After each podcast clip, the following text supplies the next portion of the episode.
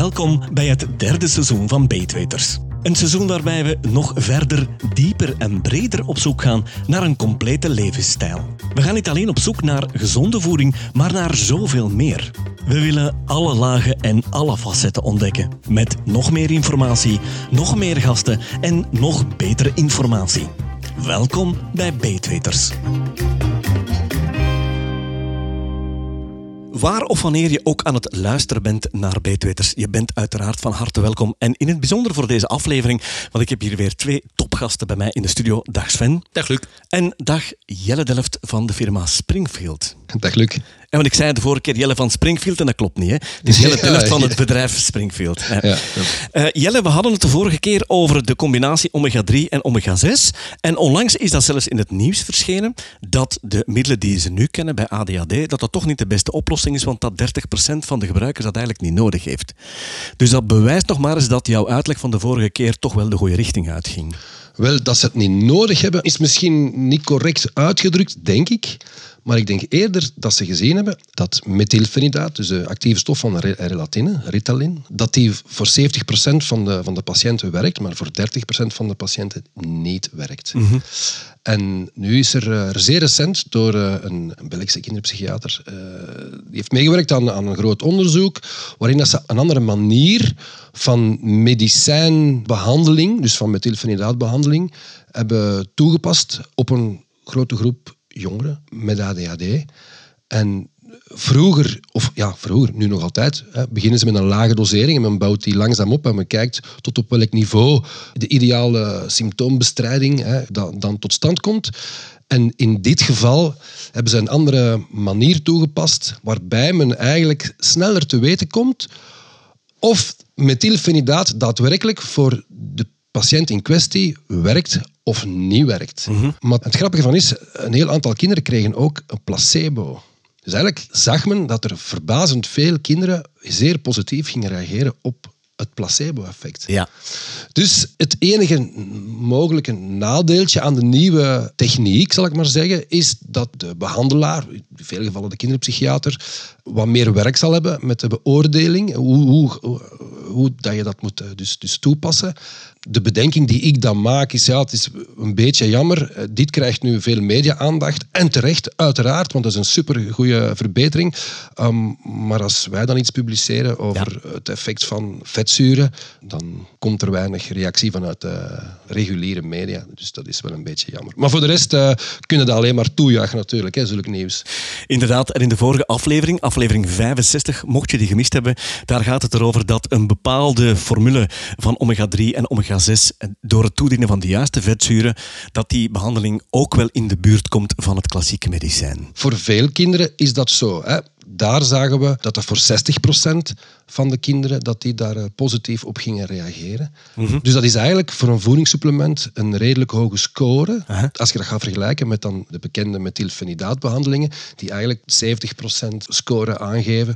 In principe is, zijn we dan met een voedingssupplement wel, wel goed bezig, denk ik. Je mag die pluim op de hoed spelden van jou en van het bedrijf. Hè? Ja, Mag ik dat zo stellen? ja dank u. Zeer eh, aangenaam, dank u wel. Heel plezant. Maar goed, heren, we zijn hier vandaag voor een bijzonder onderwerp. Want ik moet eerlijk zeggen, Jelle, eh, Sven en ik hebben dit onderwerp al een paar keer uit de weg gegaan. Omdat we wisten van, ja, daar valt zoveel over te vertellen. En het is moeilijk om die bomen in dat bos te vinden. Maar jij kan ons wel een goede uitleg geven over het verouderingsproces, dat ondertussen al vele namen gekregen heeft en vele smoelen. Dat wordt wel eens anti-aging genoemd, het wordt healthy aging genoemd.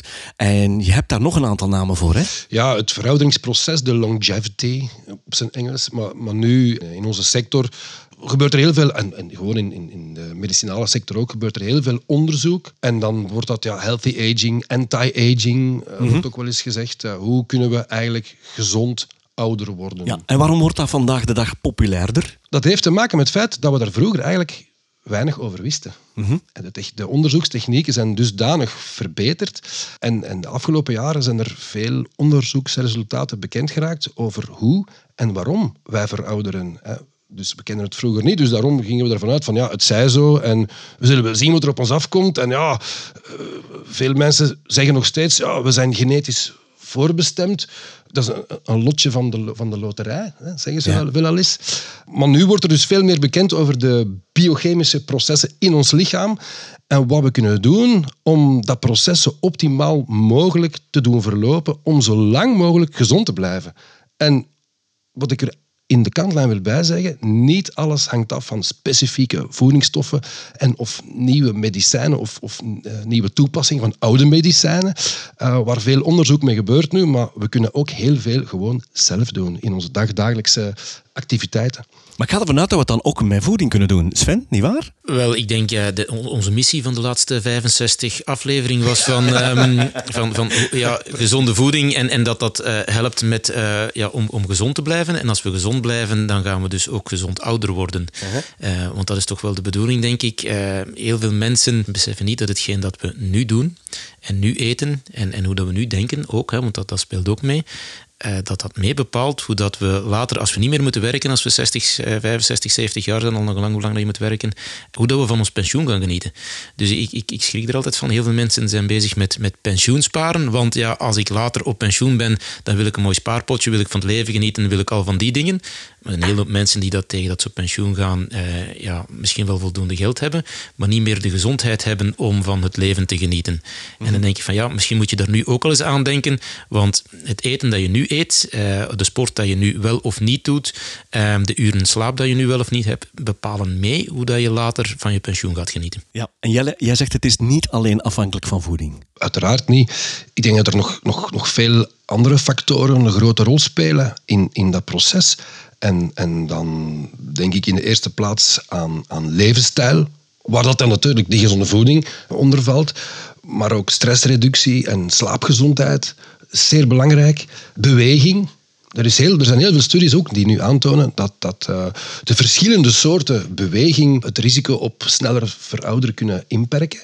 De, de, de matige beweging, waarbij ze dan de VO2 max uh, gaan meten. Dus ik, zie, ik, zie Luc, ik zie Luc al raar kijken. Uh, VO2 max. VO2 max, leg uit. Uh, ma maximaal, ja, heel simpel uitgelegd, gewoon maximale zuurstof. Dus de hoeveelheid zuurstof dat je kan transporteren. En hoe hoger dat die is, hè, bij, bij atleten, bij sporters, is dat een heel populair iets. Want hoe hoger dat dat getal is, zoveel te meer zuurstof kan je transporteren, zoveel te groter is eigenlijk jouw atletische capaciteit, vooral bij duursporten. Ja, en Jelle had het over de normale gebruik van, van zuurstof, zonder eigenlijk het lichaam te overbelasten. Hè? Ja, ja. De sporten is gezond, maar gigantisch intensief sporten, dus erover gaan, is ietsje minder gezond. Ik denk dat we daar Af, ook wel... werken.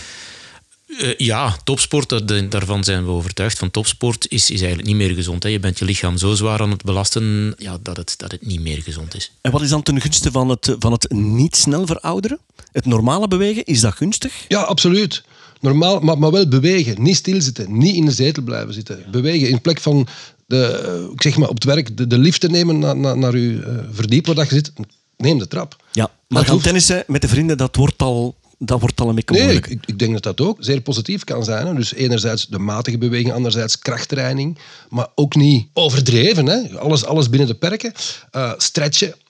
Om uw lenigheid, yoga, om uw lenigheid te, te, verbeteren. Of een goed begeleide fitness? Perfect, perfect. Als je dat laat doen door een, door een sportbegeleider die daar uh, goed mee bekend is, zou ik dat zeker adviseren. Evenwichtstraining is daar ook bijvoorbeeld ook uh, een mooi voorbeeld van hoe, dat, hoe, dat, hoe dat we kunnen uh, aan de slag gaan met dat soort dingen. Ja. Wat is er dan nog uh, gunstig om het verouderingsproces tegen te gaan? Misschien moeten we eens even toelichten. Veroudering, wat is dat eigenlijk nu juist? Hè? Voor de meeste mensen is dat een hoop rimpels krijgen en zaken die beginnen ja, te zakken, om het dan zo te zeggen. Ja, dus, uh, ja. Kort, dus, kort toegelicht. Kort toegelicht. Wat is veroudering? Alles begint te dus zakken. In mijn geval is dat het haar van mijn hoofd dat migreert naar andere plaatsen. Nu, eigenlijk veroudering, dat is, een, dat is een natuurlijk proces inderdaad, waarbij het lichaam in de loop van de tijd verandert. Hè. Dat klopt, wat je daar zegt. Maar dat begint eigenlijk met groei en ontwikkeling. Dus als we geboren worden, vanaf de, als we gemaakt worden, hè, bij wijze van spreken, daar begint al het verouderingsproces. Alleen begint dat proces met groei en ontwikkeling, eh, tot als we volgroeid zijn, volwassen zijn, letterlijk. Hè. En dat, hangt, dat is voor iedereen anders. En na die periode komt er dan een periode van ja, verval en aftakeling. Mag ik dat dan even heel simpel samenvatten? Dat je eigenlijk groeit tot een bepaald niveau dat we zogezegd volwassenen zijn, 20, 25 jaar. Dan even plafonneren en na de 30 begint het dan terug af te takelen. Mag ik dat zo simpel samenvatten? Ja, eigenlijk wel. Kijk, ik, het, het- een mooi voorbeeld daarvan haal ik, ik regelmatig aan. Dat is de, de, de afname van de botdichtheid. En dus op een gegeven moment, rond ons 35ste levensjaar, bereiken dus de piek botmassa. En dat is dus de, de maximale botmassa waarbij er meer bot wordt opgebouwd dan afgebroken. Ja. En vanaf die leeftijd gaat dat bij de meeste mensen, niet alleen bij vrouwen, maar ook bij mannen, achteruit. Nu, bij mannen ligt die botmassa iets later, bij vrouwen ligt die iets vroeger, door de band algemeen genomen. En dat heeft bijvoorbeeld te maken met het feit dat bepaalde eh, eiwitten, naarmate we ouder worden, ook minder goed gaan werken of zelfs stoppen met werken. En, en, een, en een, leuke eh, anekdote of een, een, leuk onderzoek eh, daar rond is gebeurd met vitamine K2. En dat werd in, in Maastricht, een 15, 20 jaar geleden, enorm grondig onderzocht. En daar komen nu nog steeds veel onderzoeken uit.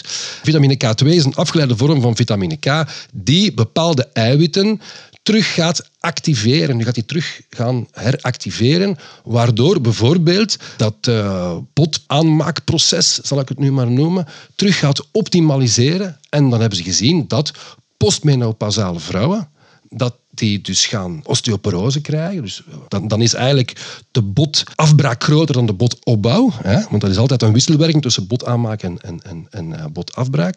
Dus als dat groter wordt, dan krijg je eh, botontkalking. En vitamine K2 kan dat proces stabiliseren. En dat is iets bijvoorbeeld wat geen enkel geneesmiddel eigenlijk kan, zo goed als vitamine K2 dat kan. Ja. En dan zitten we heel duidelijk in verval. Dan zitten we dus letterlijk in verval. Letterlijk in verval. Dus dat is een mooi voorbeeld om aan te geven hè, hoe, dat, hoe dat het mooi eerst groeit allemaal en naarmate we ouder worden bepaalde dingen afnemen met werken. Maar door voedingsinterventies kunnen we dat dan wel gaan bijsturen. Ik wil ook even blijven stilstaan bij die leeftijd van 35. Ik vind het heel spijtig dat ik dat toen niet besefte. Toen ik 35 was, dat ik eigenlijk op mijn fysieke piekmoment zat. En dat verklaart misschien ook waarom dat we niet alleen een groeiend aantal luisteraars elke maand hebben, want onze luistercijfers die stijgen maandelijks, waarvoor onze grote dank. Maar meer dan 70% is ouder dan 40. En dat bewijst ook waarom dat heel veel mensen boven de 40 plots geïnteresseerd zijn in een betere voeding.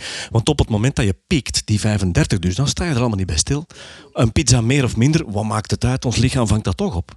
Het is pas veel later dat we ons beginnen gaan te beseffen van we moeten toch iets aan die voeding doen. Dus ik zou zeggen, men geef het door aan de collega's die ouder zijn dan 40, want die hebben er nood aan. Ja, dat is grappig. Dat is, dat is heel grappig, want ik ben zelf eh 46. Dus ik, mijn vriendenkring zit tussen eh, de 40 en de 50. En ik merk dat er echt heel veel mensen nu ook aan mij komen vragen. Zeg, heb je niks eh, om de veroudering tegen te gaan? Ja. En, eh, ik krijg last van dit en ik heb daar en eh, hier. Enfin, je hoort van alles. Darmfunctie die ook, eh, naarmate we ouder worden, ook eh, minder, eh, minder goed gaat. Dus ja, groot gelijk. Dat is die doelgroep die, die daar ernstig geïnteresseerd is in hoe dat, we dat verouderingsproces kunnen gaan eh, afremmen. Voilà. En laten we degenen die nu aan het luisteren zijn en geïnteresseerd zijn in deze podcast, laten we die vooral bedienen, Jelle. Wat is van invloed op een verouderingsproces? Ik denk, wat ik al aanhaalde in de inleiding, hè, de genetische factoren. Nu wil ik daar toch een, een, een kanttekening bij maken, want hè, zoals ik al zei, veel mensen denken, ja, we zijn genetisch voorbestemd, dus voilà, punt aan een andere lijn. Nu, we weten uit onderzoek dat dat eigenlijk maar voor 20% van invloed op is. En daarmee wil ik dat heel kort even toelichten. Nu, ja, we bestaan allemaal uit, uit een hoop cellen. En dat zijn de bouwstenen van ons lichaam. En elke cel bevat ongeveer een 20.000 genen. Genen stukjes, eh, zijn eigenlijk stukjes DNA. Hè. En in, in dat DNA zit dan de code voor de erfelijke eigenschappen die we dan van moeder en of vader eh, overerven. De kleur van de ogen, hoe dat we bewegingen maken, werking van de hersenen, allee, het feit, noem maar op. Maar die, die 20.000 genen die staan niet allemaal in elke cel aan.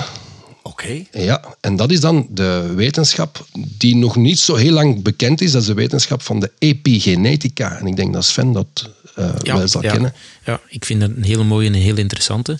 En ik wil bij vermelden, tegenwoordig, eh, dus, dus de DNA-testen zijn vrij populair aan het worden. Eh, als je ergens op social media, dan, dan krijg je wel eens een keertje reclame om DNA-testen te doen.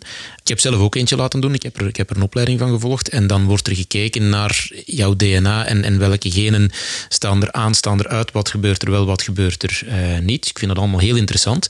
Maar wat jij dan zegt, Jelle, is, is, is nog veel interessanter als een gen aan of uitstaat, dat is epigenetica. Dat wordt mede door, door levensstijl. Uh, en dan bekijken we dat heel holistisch, dus levensstijl, want, bijvoorbeeld ook gewoon uh, ja, uh, stress, hè, want het telt mee bij, bij levensstijl, dus niet alleen gezonde voeding of sport, maar ook stress, kunnen die genen aan of uitzetten. Trouwens, een, heel mooi en interessant boek daarover, uh, wetenschappelijk gebaseerd, is um, het emotionele DNA. Is daar een heel mooi van, waar het wetenschappelijk beschreven staat hoe dat onze levensstijl mee bepaalt of dat dus die genen aan of uitstaan en of dat je dus, dus meer risico hebt om ergens met een genetische belasting om toch die klachten wel of niet te krijgen. Dus het telt, zoals jij zegt, Jellen, maar voor een, een, klein deeltje mee. Dus er wordt nu wel heel veel in onderzoek naar gedaan. Maar jouw levensstijl, hoe dat je, ja, we gaan het heel holistisch, hoe dat je in het leven staat op alle gebied, bepaalt mee wat daarmee gebeurt. Dus uh, of dat het effectief, of dat je wel of niet uh, dat probleem gaat hebben. Ik vind het wel belangrijk nieuws om te horen, heren, dat we voor een vijfde maar dat excuus kunnen gebruiken van het zit in mijn genen. Het is maar voorbestemd voor 20% voor een vijfde. Dus voor die andere 80 zijn we zelf verantwoordelijk. Klopt dat? Ja. Oh, ik, een heel mooie dat ik altijd uh, zie, is, is wanneer mensen uh, komen en zeggen van ja, mijn cholesterol, we zijn er bij de arts geweest, en, en, mijn cholesterol staat te hoog. Maar dat is genetisch, want mijn ouders hadden dat ook. En dat hoor je dan heel vaak als ik kijk, ik heb het nou misschien al eens verteld, als ik kijk naar, naar hoe mijn grootouders vroeger aten en mijn ouders, als ik datzelfde nu moest eten, dan zou mijn cholesterol ook te hoog staan. En heel vaak gaan mensen wel eten hoe dat ze grootgebracht zijn. En als ik dat zou eten, zou mijn cholesterol ook te hoog staan. En als je twee, drie keer in de week ja, gefrituurde zaken gaat eten en gaat doen, dan, en dan kan je zeggen van ja, kijk, bij mijn ouders staat dat te hoog. Ja, als je daar, als je daar zoveel jaren bij gewoond hebt bij je ouders en je eet hetzelfde voeding, dan kan het wel eens zijn dat je, en je, neemt dat over, dat jouw cholesterol ook te hoog staat. En dan is het heel makkelijk van, dat is genetisch, ik moet daar pillen voor nemen, ik moet niks aan mijn levensstijl veranderen, want mijn vader had dat ook, dus moet, heb ik dat ook. Dus we gaan niks veranderen, we gaan er gewoon medicijnen voor nemen, want dat is genetisch. En bij deze is dat excuus ontkracht dat dat voor vier vijfde niet waar is. Dat kan voor een deel uh, zo zijn, maar we weten met cholesterol dat dat levensstijl voor een heel groot deel toch wel meespeelt. Ja, de, de, de epigenetica is vind ik een prachtig staaltje van uh, nieuwe ontdekte wetenschap, waarbij we echt zelf en dat wordt meer en meer duidelijk dat we echt zelf verantwoordelijk, voor een groot stuk zelf verantwoordelijk zijn voor hoe we ouder worden. Hè? Op welke manier we dat dan doen. Hè? Natuurlijk, als je pech hebt, en, en je zit nu net in die 20% genetica en, en er is een groot probleem, of een genetisch defect, ja, dan, dan, heb je, dan heb je brute pech. Sorry. Dat, en, maar ja, daar kunnen ze misschien met toekomstige uh, technologieën kunnen ze daar misschien ook wel oplossingen voor bedenken. Ik weet niet dat die nu al voor nu aan de orde zijn, misschien binnen een paar jaar. Maar ik, ik vond het wel interessant bij de, bij de opleidingen van, van DNA. Wat er bijvoorbeeld naar boven kwam, was hoe goed je kan ontgiften, jouw, jouw detoxcapaciteit. Wat dan, en dat is niet dan één gen, want het is altijd een combinatie van. Hè. En dan werd daar een soort van overzicht van gemaakt. Van kijk, en je kan dus, zoals je zegt, je, je kan heel veel pech hebben en gigantisch slecht zijn in het ontgiften of gigantisch goed. En als je heel goed bent in het ontgiften, we kennen allemaal wel mensen die heel hun leven roken en, en slecht eten en, en ja, dus, dus ja, niet doen hetgeen wat wij zeggen. En toch 90 jaar worden en gezond zijn eh, en, en zonder problemen. En dan kent iedereen ook wel iemand die dat heel gezond geleefd heeft en gesport heeft en toch op jonge leeftijd eh, een of andere ziekte of jong gestorven en zo. En dat is dan heel vaak een excuus om levensstijl niet aan te passen. En wat daar dan naar boven kwam was van kijk, als jij heel veel geluk hebt en je bent gigantisch goed in ontgiften, dan kom je met vrij veel weg. En dan kan je bijvoorbeeld met, met zaken zoals roken, waarvan dat we allemaal weten dat het heel ongezond is en dat je dat beter niet doet, dan kom je daar voor een groot deel mee weg. En iemand anders kan heel veel pech hebben en toch eh, een heel slecht ontgiften. En die persoon heeft dan in onze moderne maatschappij, waar we overspoeld worden nu met gifstoffen, dan kan die nog zo gezond eten als hij wil. Zeggen van ik ga heel veel groenten eten, die dat dan toch wel bespoten zijn en waar we toch nog restanten van gifstoffen en van alles van binnen krijgen.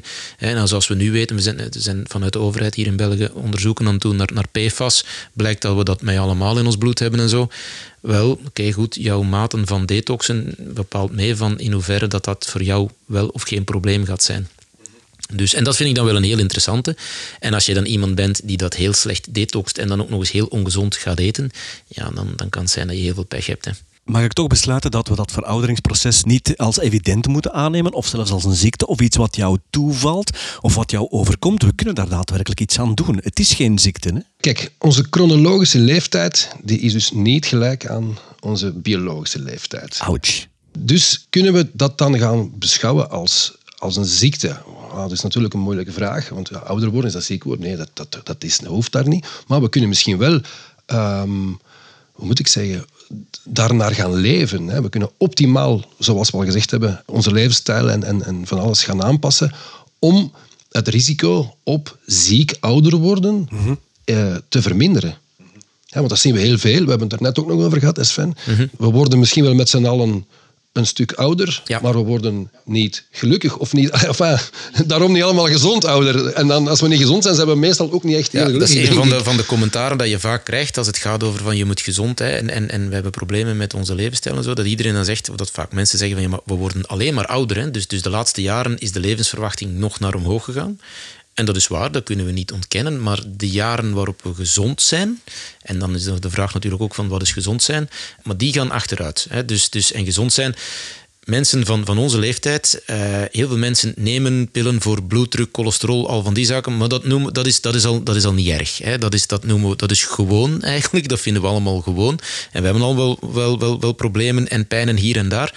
Maar dat is allemaal omdat we dat met z'n allen hebben, vinden we dat normaal. Dat vinden we niet ongezond zijn of dat vinden we niet ziek zijn. Terwijl dat, ik heb uh, een keertje het geluk gehad van een aantal weken in, in, in uh, Zwart-Afrika kunnen rondlopen. En dan, dan zie je daar mensen die dat daar uh, in het midden van de bush rondlopen.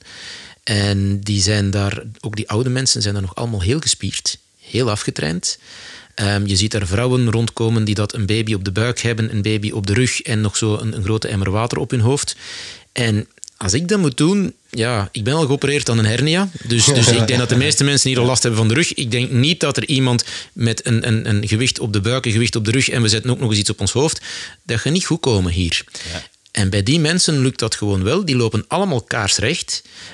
Um, die hun tanden zien ook allemaal mooi wit. Die zien er allemaal veel gezonder uit. En dan gaan we kijken van, ja, maar ja, er is toch heel, ook heel veel sterfte in Afrika. Ja, ze hebben niet onze westerse uh, geneeskunde. Dus als er iets is, dan kan het zijn dat je van banale zaken nog kan sterven. Maar de mensen die dat daar rondlopen, zien er wel een stuk beter uit dan heel veel mensen die hier rondlopen. Maar heren, ik denk dat elke luisteraar nu op het puntje van zijn stoel zit en een antwoord op de vraag wil krijgen: wat kunnen wij hier aan doen? In de allereerste plaats ja, onze levensstijl aanpassen, maar daar hebben we het al heel uitgebreid over gehad, dus, dus enfin, dat lijkt me redelijk evident. Hè?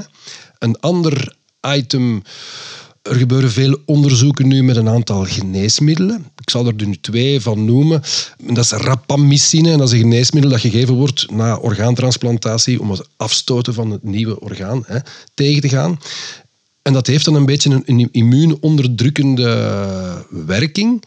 Maar die zorgt er wel voor, blijkbaar, dat we dus minder snel gaan, dat cellen minder snel gaan verouderen. Alleen natuurlijk, dus je gaat je immuniteit uh, onder controle houden, zodat die veel minder hard moet werken.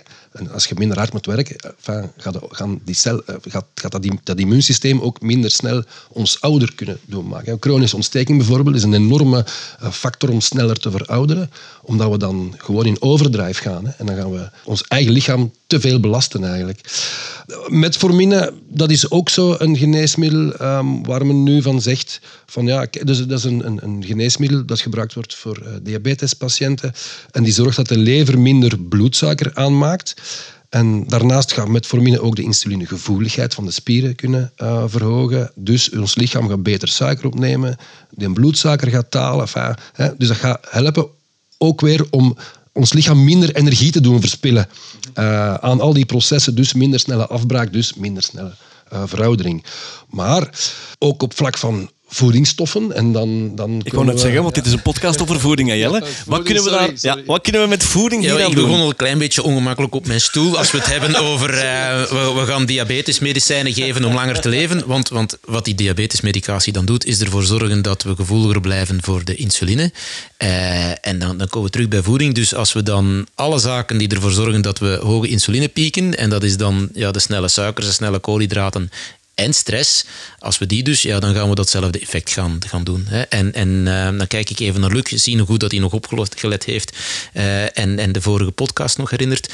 Hoe kunnen we daarvoor zorgen dat onze insulineresistentie of insuline beter gaat werken? Door een betere voeding toe te passen, hè? Beter, ja, Minder ding, koolhydraten? Minder koolhydraten, inderdaad. En eh, het vasten, hè, hetgeen wat tegenwoordig heel populair is. Dus de caloriebeperking, af en toe eens een keertje een, een aantal uren.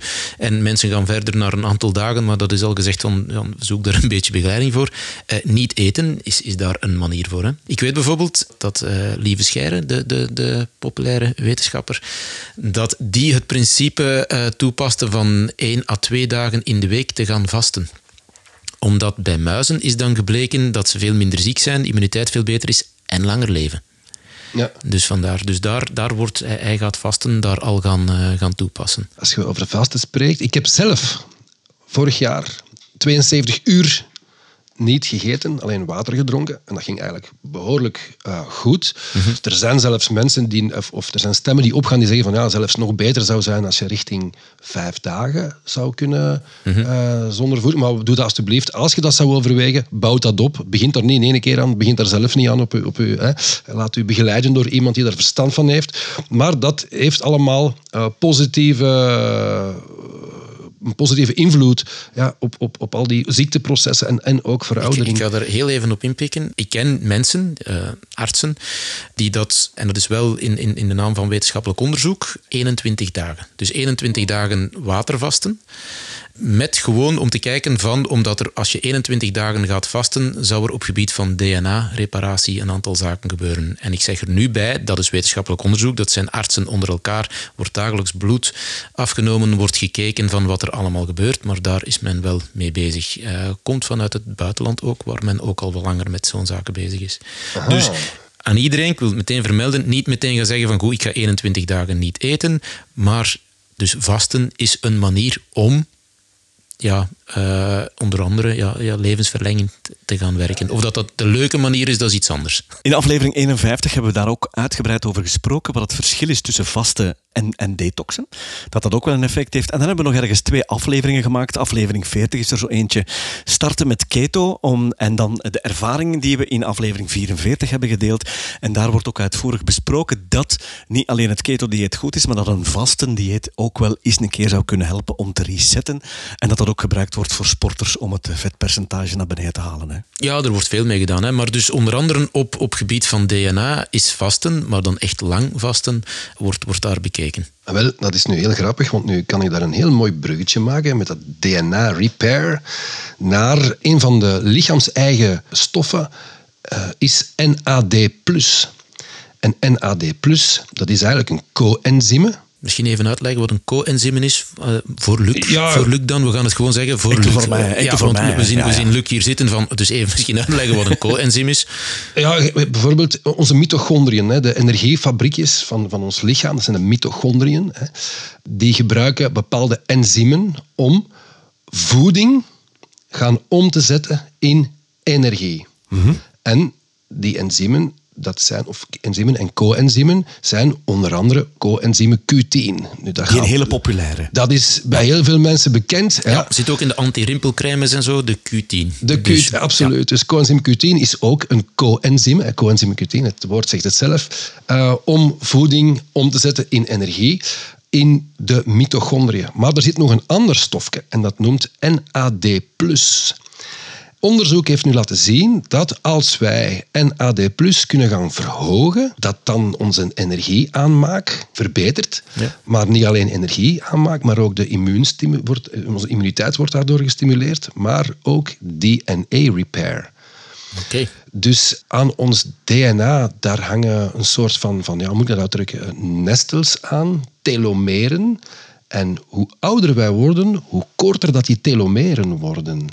En we hebben gezien dat als we de NAD levels in ons lichaam kunnen boosten, dat die telomeren terug langer worden. Dus dat wijst eigenlijk op ehm, dat we minder snel verouderen. Want die, die, die afkorting van die telomeren wijst op veroudering. Dus als we die terug kunnen gaan doen verlengen, via een natuurlijke manier, ehm, en dat gaat dus via de NAD plus eh, verhoging. En er zijn nu een aantal voedingsstoffen die kunnen zorgen voor NAD-boosting. En dat is nu, eh, een voorbeeld is NMN. Dat is een bekende voedingsstof die on- in onderzoek laat zien dat het binnen een redelijk korte termijn NAD plus kan doen verhogen. Maar helaas in Europa verboden. Betekent dat dan dat we dat niet kunnen nemen, eh, zoals eet een goede appel en dat zit daarin, of eet meer dit, eet meer dat? Of is het via supplementen te verhogen, te boosten? Wel, die, die voedingsstoffen die vind je dus inderdaad wel terug, maar in lage hoeveelheden in fruit en groente en, en noem maar op. Maar er zijn een aantal supplementen op de markt die dat dus kunnen in veel hogere doseringen kunnen gaan, gaan eh, supplementeren, letterlijk, waarbij dat, dat proces gewoon veel sneller gaat. Hè. Jelle, ik ga veel mails krijgen met de vraag, welk supplement? Dus NMN is een heel bekende. En NR, dat is nicotinamide riboside. Dat is ook een bekende eh, voorloper van, eh, van NAD+. NMN sowieso is, is verboden. Ja, kan niet. Maar we willen het nu dat we dat onderwerp vanuit het bedrijf eigenlijk al een aantal jaren volgen. En er is een, een Amerikaanse ontwikkeling en die heeft eh, nicotinamide, de actieve vorm van vitamine B3, gecombineerd met deribose. Dus de combinatie nicotinamide en deribose wordt nu ook grondig onderzocht in klinisch, dus studies bij mensen, om te zien of dat die bijvoorbeeld in een bepaalde dosering NAD plus levels kan doen stijgen. Niet alleen in bloed, maar ook in weefsel. En dat is heel belangrijk voor onderzoek. Dus ze zeggen van ja, we zien wel een stijging in bloed, maar is dat in het weefsel ook zo? En dan hebben we weer meer bewijs om te zeggen van kijk, hè, eh, het kan ab- absoluut bijdragen tot. En dus die combinatie nicotinamide deribose, die zal op een gelijkaardige manier de NAD-levels in ons lichaam verhogen, hè, waardoor we dus de veroudering kunnen gaan afremmen. Het leuke daarvan is, ik heb gesproken onlangs met eh, professor Andrea Maier. Zij doet onderzoek, heeft een leerstoel in Amsterdam en in Maleisië. En ze doet alleen maar onderzoek met NMN. En ik heb haar gesproken om te vragen, ja, kijk, je doet nu onderzoek, ik zou eens willen weten, onafhankelijk, dus niet vanuit onze leverancier, maar die combinatie nicotinamide, eh deribose, wat vind jij daar nu van? En zij heeft gezegd, kijk, er zijn een aantal zaken die, die je moet weten. NMN, om te beginnen, dat kan een zeer goede eh, voedingsstof zijn om, om, om NAD plus te verhogen. Alleen moeten we daar de, de topkwaliteit grondstof voor gebruiken. Want als je een, een, een, een tweede rangs product zou gebruiken, dan werkt het niet. Eh, want een groot deel van NMN wordt al afgebroken in onze darmen. Dus ze zegt, je moet echt een topkwaliteit grondstof hebben. En daar is één groot nadeel aan, dat is heel duur. Ja. Dus er zijn nog steeds bronnen waar je NMN kunt krijgen, maar dat, of dat is heel duur, of als het niet duur is, dan zal het niet werken. Hè? Ehm, maar eigenlijk is het dus verboden. Hè? Nu zegt ze, ik heb de studies bekeken met nicotinamide deribose, dus hetgeen wat wij dan eh, in, in het gamma hebben. En dan zegt ja, eigenlijk is dat wel zeer veelbelovend. De studies lopen iets achterop op wat zij onderzoeken met NMN. Hij zegt, maar jullie komen wel nu. Dus de, het onderzoek komt wel. En ja, inderdaad, we zien in bloed en in weefsel even goede eh, NAD plus eh, vergelijkbaar met die van ons. Maar zegt ze, als je eigenlijk echt wilt weten wat is nu het beste van de twee, dan moet een head-to-head, hè, een, een, een, een, een, echt een vergelijking maken, een klinische eh, onderzoek opbouw, vergelijking NMN en dan nicotinamide deribose. En dan gaan kijken eh, hoe, dat, dat, die, hoe die twee ten opzichte van elkaar zich gedragen.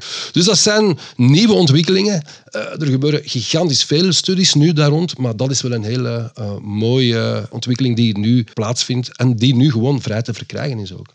Ja, en dat kunnen we makkelijk verkrijgen. Nou, ik mag hier helaas geen merknamen noemen, ik ga dat ook niet doen. Ja, even googelen en daarachter Jelle van Springfield. Zo is Springfield. Ja, Dus klopt. voor de mensen die terug ingeschakeld zijn nadat ze het gegoogeld hebben, welkom terug. en dan rest ons alleen maar de vraag te stellen, hoe ziet de toekomst er voor jullie uit, eh, heren? Eh, wordt dat nog breder, groter of, of stagneren we een beetje? Ik denk dat het alleen maar breder en groter gaat worden. Er zijn heel veel onderzoek, zoals Jelle zegt, heel veel onderzoeken naar hoe kunnen we op een gezonde manier ouder worden of hoe kunnen we zelfs veroudering gaan, gaan stoppen. Of om, ja, omkeren, dan zitten we wel met het probleem. We zijn al met zoveel. Hè? Dus uh, dan, dan, komen we bij andere uh, vragen en andere zaken die we ja, moeten stellen. Mag je daar heel even kort op Pimpetje kijken? Um, een, een, kennis van mij is professor emeritus, hij is gepensioneerd, Reginald de Schepper. En hij heeft een aantal boeken geschreven. Hij is, is een, een, een medisch antropoloog we hebben vele gesprekken al gehad over dit thema. Hij heeft er ook een boek over geschreven. Trouwens, kan ik alleen maar aanraden. Elk jaar jonger. Op een zeer uh, begrijpelijke manier heel dit verhaal uh, uitgelegd. Er zal heel veel terugkomen wat we nu ook vandaag besproken hebben. Maar hij zegt dat, de, dat uh, de vooruitzichten zouden zijn aan het einde van deze eeuw dat we een krim krijgen. Maar natuurlijk, als we mij allemaal blijven leven, niet. Hè? Dus dan, dan, zitten we daar weer met dat probleem. Dan gaan we weer uh, op andere manieren moeten, moeten krimpen. Maar daar zijn we ook wel goed in bezig. Even uitleggen, wat bedoel je met een krimp? Dat de wereldbevolking in plaats van alleen maar te stijgen, uh, dat die terug zou zakken. Allee, dat, dat we terug jonger worden. Ik bedoel dat de levensverwachtingen nee, nee, nee, zakken. Dat er, dat er minder mensen geboren worden. Dus meer mensen gaan sterven dan er geboren worden. Ja, ja, ja. het is zo dat, dat de, de totale mensen op aarde, dat wordt kleiner, maar het is niet dat de levensverwachting zakt. Dat die gaat van 80 nee, naar 75. De levensverwachting die okay. blijft momenteel dus nog minder altijd mensen op deze aarde. Ja. ja. Minder mensen, maar dat wil wel zeggen meer oudere mensen. Dat is maar voor even, dat is tijdelijk. Hè? Ja, oké, okay, maar je zit dan wel met een, met een grote druk op je, op je zorgsysteem. Ja, vraag eens aan elke, aan, aan elke Belgische minister wat dat betekent. En die zullen ook de omgekeerde leeftijdspyramide als een probleem zien. Nee, maar ik denk dat er, dat er hè, om even terug te komen op het onderzoek, er zijn, is momenteel heel veel onderzoek gaande naar hoe kunnen we ja, eigenlijk die veroudering uh, tegengaan, verminderen, dat we, dat we met z'n allen gezonder ouder worden, dat we meer van, van, van ons pensioen, langer van ons pensioen, beter van ons pensioen kunnen genieten. En, en daar is inderdaad wel heel veel onderzoek naar. Hè. Dus, dus de zaken die jij gezegd hebt, Jelle, die, die worden onderzocht. Er is onlangs uh, is er, is er nog bijvoorbeeld uh, het gewone simpele taurine uh, aminozuur in de media gekomen. Um, voor de mensen die niet weten, taurine is iets dat in, in elke energiedrank zit. Dat is een aminozuur dat ervoor zorgt dat, dat we meer energie. En bij, bij, bij, bij ratten en muizen is dan gebleken dat die, wat was het, 10, 15 procent langer gaan leven. En dan is natuurlijk de vraag, want wij zijn geen ratten of muizen, of dat dat bij mensen ook zo zou zijn. Maar dat is ook dus, uh, wordt ook onderzoek naar gedaan. Dus er zijn wel heel veel onderzoeken gaande naar hoe kunnen wij veroudering, aftakeling gaan afremmen. Of zelfs gaan, gaan stopzetten. Ik moet eerlijk toegeven, ik had wat research gedaan naar aanleiding van deze uh, aflevering, deze opname. En ik zag heel veel producten de revue passeren en die zijn allemaal een beetje anders dan wat ik nu het laatste uur heb gehoord. Betekent dat dan, Jelle, dat er redelijk wat um, onwaarheden worden verkondigd? Ik denk dat niet zozeer onwaarheden. Hè. Elke uh, voedingsstof die bijdraagt aan de verbetering van onze gezondheid, gaat gewoon ook bijdragen aan gezonder ouder worden en, en, en healthy aging. Dus uh, zijn dat leugens? Nee, ik denk dat niet. Maar ik denk dat gewoon de basisdingen die jullie, hè, die we ook al vorige ja, ja, keer ja. hebben genoemd, omega 3, vitamine K, 2, D3, uh, magnesium. Kijk, er zijn toch allemaal grote, hebben we allemaal grote tekorten aan. Als we die al eens allemaal op peil zouden zetten, dan zou dat al een heel grote hulp zijn. En al die, eigenlijk zoals taurine je daarnet noemde, dat is, mm -hmm. dat is allemaal mooi en dat is allemaal fantastisch. Um, maar ik, ik, ik zeg altijd, begin gewoon bij je basisdingen. Ja, en ga dan, dan, dan, verder ja. sturen naar uh, verder fine-tunen. Dan spreken we inderdaad al van supplementen. En ik denk dat, uh, zoals voor de meeste mensen, sup gewoon supplementen nemen gaat weinig doen als jouw basis volledig verkeerd zit. Hè. Dus, uh, dus het is nu ook ik, vind, ben heel blij dat er meer en meer van zo'n zaken in de media komen. Dus we weten nu dat uh, bewerkte voeding, ultrabewerkte voeding, ervoor zorgt dat, wij, ja, dat dat heel ongezond is. Dat we gigantisch veel uh, ziektes en zo creëren. En dan blijkt dat 80% van hetgeen wat in de supermarkt ligt, want mensen beseffen dat niet, is ultrabewerkte voeding. De gewone koek die dat wij met onze kinderen meegeven van kleins af aan naar school. Hier, alstublieft, een gezonde koek, behoorde vol granen. Maar is wel ultrabewerkte voeding, wordt in verband gebracht met heel veel problemen. En dat geven we van, kleins af aan. Dan moet je niet verschieten dat tegen dat je 40, 50, 60 jaar bent, dat je heel veel problemen hebt. Dus die zaken doe dat weg. We krijgen een, een epidemie van, van diabetes type 2, waarvan dat we weten dat een enorm veel... Ja, dus dus eh, obesitas wat we hebben. Nu, uh, als het dan gaat obesitas, we weten bijvoorbeeld bij een man... Dan gaat bij mannen, als, als mannen gewicht gaan verliezen, uh, dan gaat hun testosteron naar omhoog gaan. Maar testosteron zorgt ervoor dat je meer spiermassa hebt, uh, dat je dus minder snel aftakelt, dat je ook meer energie hebt. Dat is hetgeen wat testosteron allemaal doet. Hè. En, want er zijn bijvoorbeeld uh, artsen, er zijn, er zijn mensen die zeggen, als we dan ook spreken over longevity, anti-aging, van ah, we weten bij een bepaalde leeftijd gaan onze hormonen of bepaalde hormonen uh, verminderen. Ah, we gaan dat in kleine hoeveelheden bijgeven. Wel, gewoon al gewicht verliezen gaat ervoor zorgen dat jouw testosteron terug naar omhoog gaat. Als je gaat sporten, we weten bijvoorbeeld na krachtsport wordt er meer groeihormoon aangemaakt. Groeihormoon, dan gaan we groeien, is hetgeen wat het letterlijk zegt, we gaan groeien. Dus gewoon al gezond eten en gezonde levensstijl, en daarmee bedoelen we uh, sporten, dus bewegen. En als je krachtsport, krachtsport hoef je niet per se naar de fitness te gaan, maar gewoon al jouw spieren belasten. Iets wat mensen niet meer doen. Want we rijden allemaal met een elektrische fiets. Uh, of we gaan op de elektrische step staan, we wandelen al niet meer. Dus dat gewoon zorgt er al voor dat die hormonen terug elke keer gestimuleerd worden, dat je dus minder snel afbraak krijgt van al die zaken allemaal. En als je dan zegt van ja, ik zou nog graag uh, extra doen, en we kunnen dan zo'n zaken waarvan dat nu onderzoek naar gebeurt uh, en alles, en je neemt dat bij vanaf een bepaalde leeftijd, of als je al gezond leeft, ik denk dat we dan op dit moment wel, wel ja, het maximum eruit aan het halen zijn. Als je dan af en toe nog eens gaat vasten misschien, geen 21 dagen nog eens halen, maar gewoon af en toe eens een keertje periodes van niet eten, uh, ik denk dat we dan heel veel aan het doen zijn. Mocht jij je toch afvragen waarmee je kan beginnen bij de basis van de basis, zoals we dat heel dikwijls al gezegd hebben, de allereerste aflevering van deze podcast, namelijk de nummer 1, de basis van de basis. Daarna hebben we nog een paar specials gemaakt, die zijn ook aan te raden. Het gaat enkel alleen over koolhydraten in de tweede aflevering, over vetten in de derde aflevering en tot slot de eiwitten. Als je die vier achter de kiezen hebt, dan heb je al een heel groot idee en een heel goed idee over wat je zou kunnen doen met je voeding. Voor de rest kan ik alleen nog maar aanraden, schrijf je in op onze nieuwsbrief via beetweters.be en volg onze Instagram en Facebook. Bedankt Sven, bedankt Jelle, graag tot de volgende keer. Tot de volgende Luc. En Dank u, het was zeer aangenaam.